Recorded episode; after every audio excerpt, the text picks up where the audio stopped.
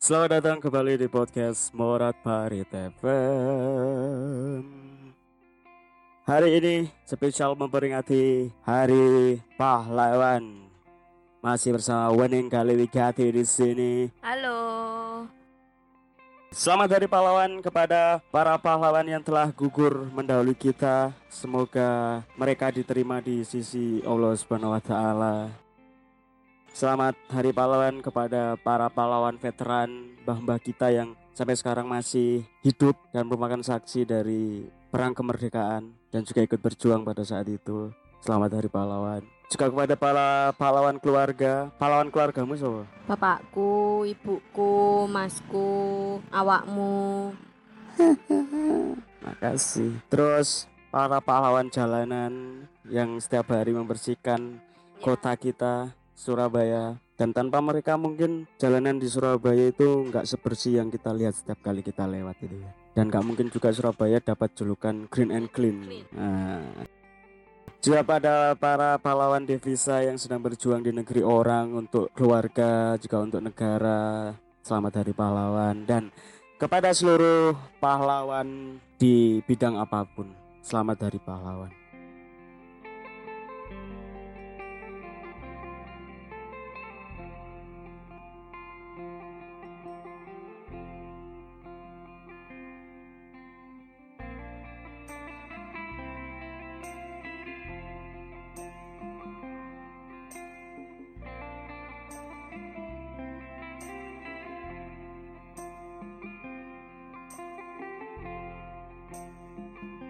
Kita sebagai orang Surabaya patut merasa bangga karena kota kita disebut sebagai kota Pahlawan.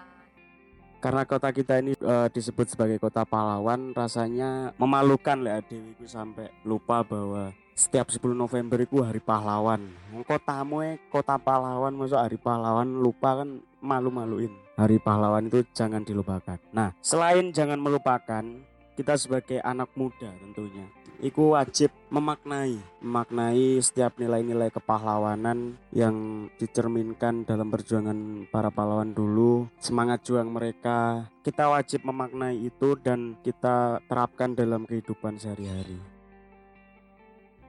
Soal memaknai Hari Pahlawan, kita coba ke bahasan pertama kita, sejarah Hari Pahlawan. Monggo. Aku ini. Oke. Kon iku pemuda apa?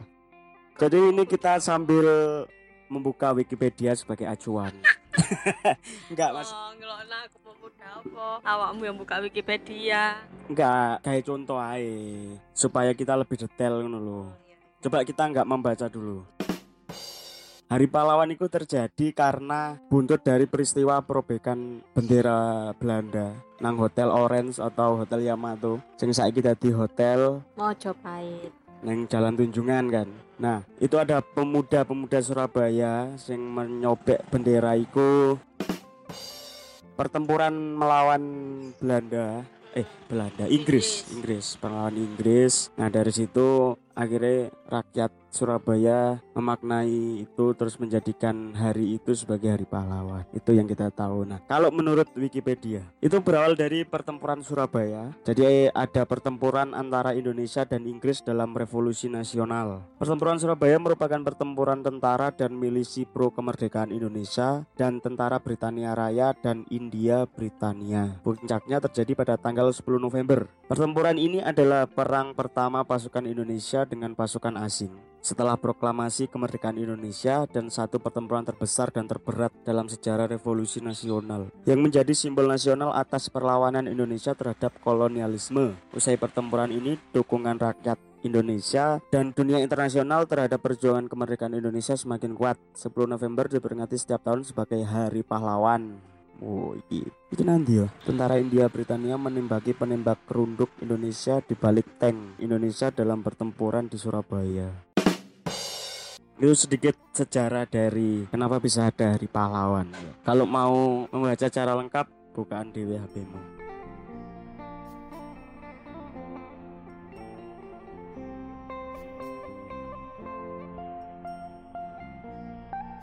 Dan sekarang kita bergeser ke cara menghargai Hari Pahlawan atau cara menghargai para pahlawan. Kalau di Surabaya sendiri mungkin ya sampai sekarang yang masih bisa kita lihat simbol-simbol penghargaan terhadap para pahlawan itu bisa dilihat dari eh, Tugu Pahlawan. Nah, Tugu Pahlawan kan wis, wah, mencerminkan sekali kan. Nang sore ku ya ono museum. Ini museum apa jenis? Bu lali. Museum 10 November lek salah. Ini sore sore, heeh. pensil apa pensil apa? Pensil. So, pensil. Pensil yo. Itu tugu. Ya sinti ya ya. Pensil. Iya, iya, bentuknya pensil karepmu lah. Nang areane kuno, iku ono sejarah-sejarah tentang pertempuran kemerdekaan nang Surabaya khususnya. Terus Taman Makam Pahlawan. Ayo, kon ngerti gak Taman Makam Pahlawan nang ndi? Cedek sekolahku. Iki Kamboja. Apa ngarepe THR iku? Makam taman makam pahlawan. Iya, iki cedek sanggarku. Makame Pak iki WR Supratman. Terus Iku. Terus ning di mana ya? ning di mana, Bang? iki lho nang kontrol lek bar TVRI ku jalan Maijen Sungkono. Juga. Sek rono arah ke barat iku ono Taman Makam Pahlawan. Pakai ya ternyata ya. Oke, oke. Terus jalan-jalan di Surabaya kan juga dinamai dengan nama-nama pahlawan. Misalnya Jalan Bung Tomo, nang daerah Ngagel, Ahmad Yani, Jalan Utama, Jalan Diponegoro, terus Jalan IR Soekarno, no IR Soekarno. Banyak lah pokoknya jalan-jalan di Surabaya itu yang dinamai dengan nama-nama pahlawan dan menurutku itu salah satu cara Surabaya menghargai para pahlawan. Terus ada dua stadion di Surabaya yang dinamai dengan nama pahlawan. Dinamai dengan nama pahlawan dan dinamai dengan peristiwa Hari Pahlawan. Yang pertama itu Gelora Bung Tomo yang saya dadi home base Persebaya Iya. ambek Lora 10 November. sing ono soto enak ya. Iya, Soto apa? ya? enak. Ya, Soto daging sapi ku toh. Nggak ada tahu mangan ya. Wah, itu recommended. Setiap pagi buat orang Surabaya yang belum tahu ada soto daging di depan Gelora 10 November. Gue enak. Banyak banyak sih makan makanan enak iku ning kono. Sate klopo iku enak iku ya. Tapi kita nggak akan membahas kuliner kapan-kapan aja ya.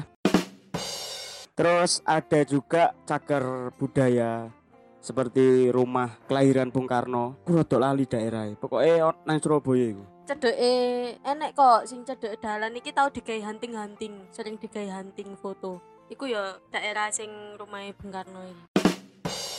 Banyak sekali tempat-tempat atau apa pun di sana yang ada unsur kepahlawanan misalnya ono patungnya Senen Taman Apsari ku Gubernur Suryo. Anu polisi istimewa. Hmm, iya iya. sing iya. monumen polisi ku. Akeh sih patung-patung. Intinya simbol-simbol kepahlawanan itu sampai sekarang masih lestari di Surabaya masih banyak sekali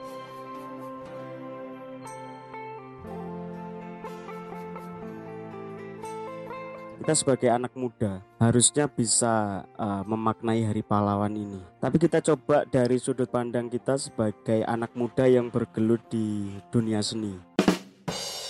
Kemarin sebelum tag podcast ini aku njajal golek apa artikel-artikel go referensi aja. Aku nemu artikel tentang cara anak muda memaknai hari pahlawan. Nah, neng kono aku langsung eling bahwa dalam karya TAmu iki, awakmu kan jupuk tentang Sakera.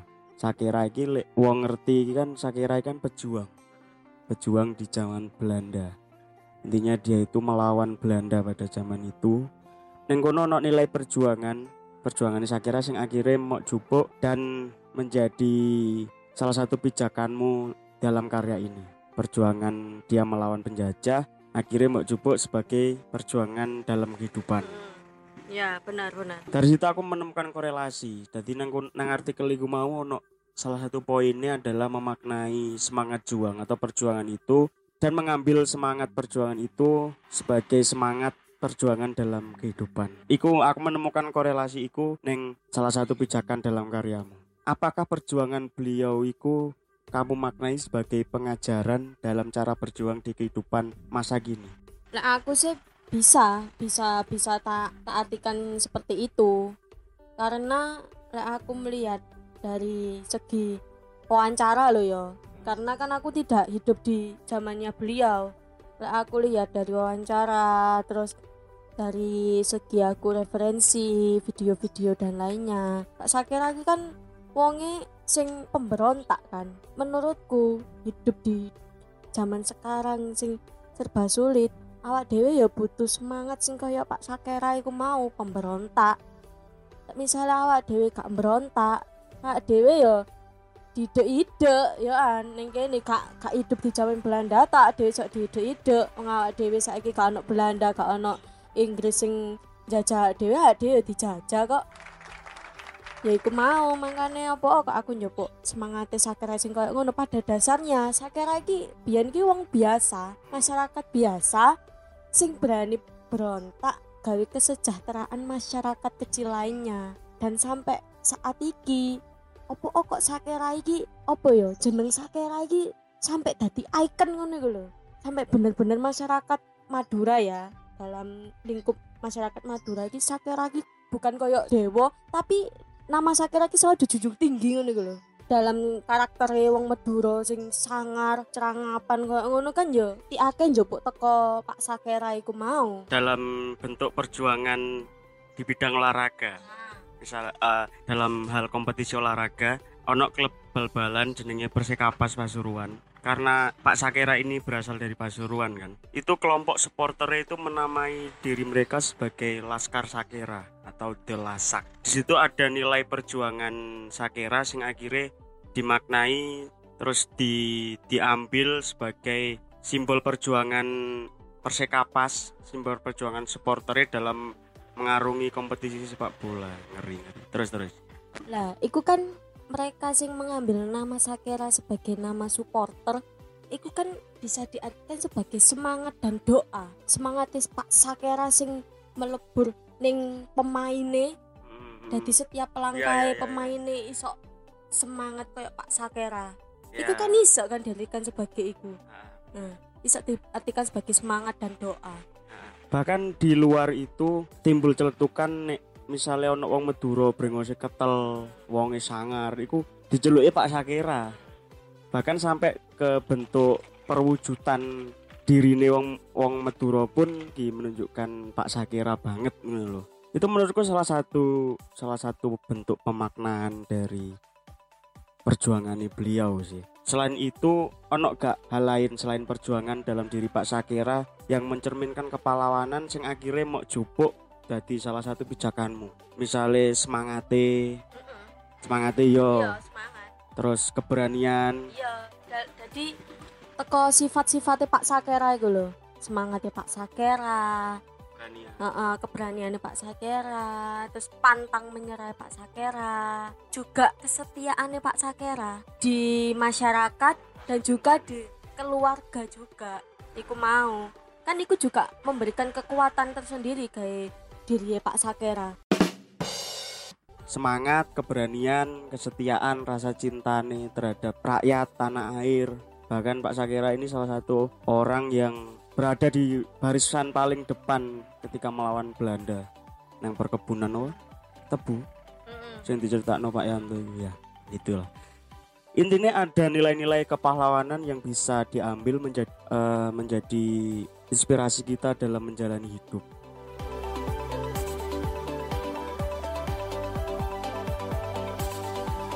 sebagai mahasiswa seni atau kita sepakat sebagai seniman lah. Sebagai seniman ada nilai-nilai kepahlawanan nilai-nilai dalam diri pahlawan sing isok kita tuangkan dalam wujud karya seni. Dalam tanda kutip mengingatkan neng karya iku tentang nilai-nilai kepahlawanan melalui cara cara kita sebagai seniman yo yo lewat karya itu. Misalnya nang ngawakmu sebagai seniman tari atau nang sanggarmu. Itu kan ono beberapa karya tari sing ngambil dari nilai-nilai kepahlawanan. Yang pertama sing aku eling karya tari Joko Berek. Iku ya apa? Karya tari Joko Berek itu menggambarkan apa? Nek karya tari Joko Berek iki menggambarkan kepahlawanane Joko Berek pada saat itu. belum jadi Heeh, sebelum jadi sawang galing. Dadi cek bocah, cek remaja lah. Nah, di antara DE yang goleki bapake yo karo memperjuangkan daerahe, ya kan, memperjuangkan Surabaya Ya. pada saat itu. ono mana karya tari sing mencerminkan Surabaya banget gongseng Surabaya lah Gongseng Surabaya itu apa? Iku karyane sapa Gongseng Surabaya? Pak Farida Mbak Farida, oke. Awakmu kan sebagai penarine nang kono. Iku menceritakan apa sih tari Gongseng Surabaya? iki? lek gongsing Surabaya iki lebih ke semangat arek-arek Surabaya jadi semangat arek-arek Surabaya sing pada saat itu lek ning garapane gongsing Surabaya iki kerampaan. Ya kayak semangat iku mau. Bukan bukan ning bukan ning perjuangan penjajahan tapi udah merdeka dan kita masih mempertahankan semangat iku mau. Eh neng tari Gongseng Surabaya kan anu sih menggambarkan anak muda nih kan. iya Nah, it- nah itu berarti ada korelasi dengan cara anak muda memaknai kepahlawanan, nilai-nilai kepahlawanan. Ya, salah satunya dengan eh, apa penggambaran dalam gongseng itu ya. Terus iki apa eh tari 10 11. Nah, dari namai kan ketok banget 10 11 berarti 10 November. Iku karyane Mas Dimas. Nah, kembali lagi awakmu ya penarine kan. Dari 10 11 itu kan sangat mencerminkan tentang Hari Pahlawan, tentang kepahlawanan yang Surabaya. nek aku 10 11 iki gak sepiro takon-takon sih pada saat itu karena yo dari judul iki kan gak meloho kayak Joko Berek nih lho ya mung 10 11 tapi lah krungu teko ceritaan tapi nek krungu teko omongane Caca 10 11 iki menggambarkan pertempuran 10 November iku mau ya semek iku tok sing tak ngerti pertempuran 10 November Nek teko aku dewe sebagai di bidang musike ya. Ada salah satu karya dari Pak Bambang, Pak Bambang SP. Iku karyane Jawa Berek Yohan. Iku dipentaskan di Parade Musik Daerah tahun 2015 nanti MII. Iku juga menggambarkan perjuangane Joko Berek atau Sawong Galing sebagai salah satu pejuang ning Surabaya di dia meminta doa restu dari Dewi Sanggra sebagai ibunya. Ning kono ono kata-kata Iden nono reyang maju ing palagan ngusir bangsa Walanda. Iku kan ya ono nang nang sih, nang karya Joko Berek tari iku mau. Dari situ kita bisa melihat bahwa dari sebuah karya seni, para seniman itu bisa menunjukkan cara mereka dalam memaknai Hari Pahlawan. Berarti ada banyak nilai-nilai kepahlawanan sing isok dijupuk menjadi sebuah karya seni dan itu menggugah anak muda khususnya untuk tahu bahwa iki lho kon iku saiki iso merdeka iso yang-yangan neng turut dalan iso menikmati kopi susu gula aren nang kopi shop yo berkat kepahlawanan dan perjuangan para pahlawan tanpa iku mungkin saiki ada saya bedil-bedilan bos sebenarnya pemuda-pemuda di Surabaya itu banyak yang mengambil dari segi karya itu mengambil dari cerita kepahlawanan juga. Itulah cara kita sebagai anak muda yang berkecimpung di dunia seni. Yo, lewat karya kan.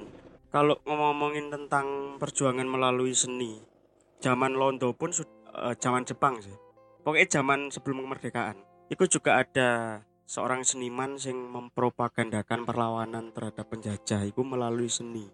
Yaitu Cak Durasim. Mungkin sekarang anak-anak Surabaya yang tahu ada gedung Cak Durasim di Taman Budaya ya itulah sosok beliau yang diabadikan jadi nama gedung. Pada saat itu Cak Durasim iku mempropagandakan iku melalui kidungan. Pagupon Omaedoro melunipon tambah sengsara.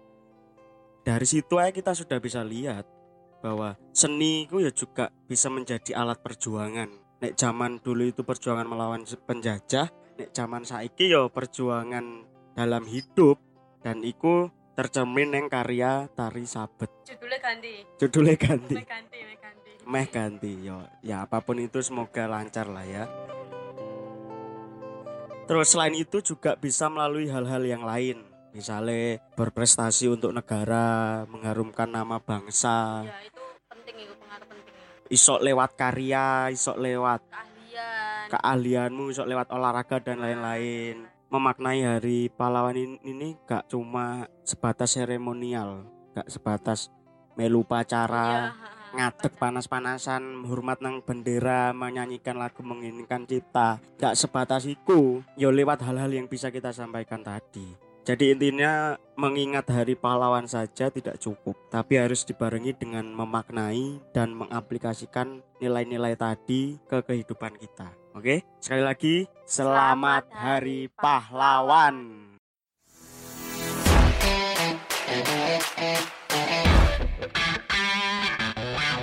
Terima kasih sudah mendengarkan podcast Morat Marit FM.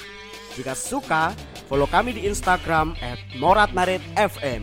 Jika tidak suka, nang kedoros lewat kali aku gak ngurus. Terima kasih.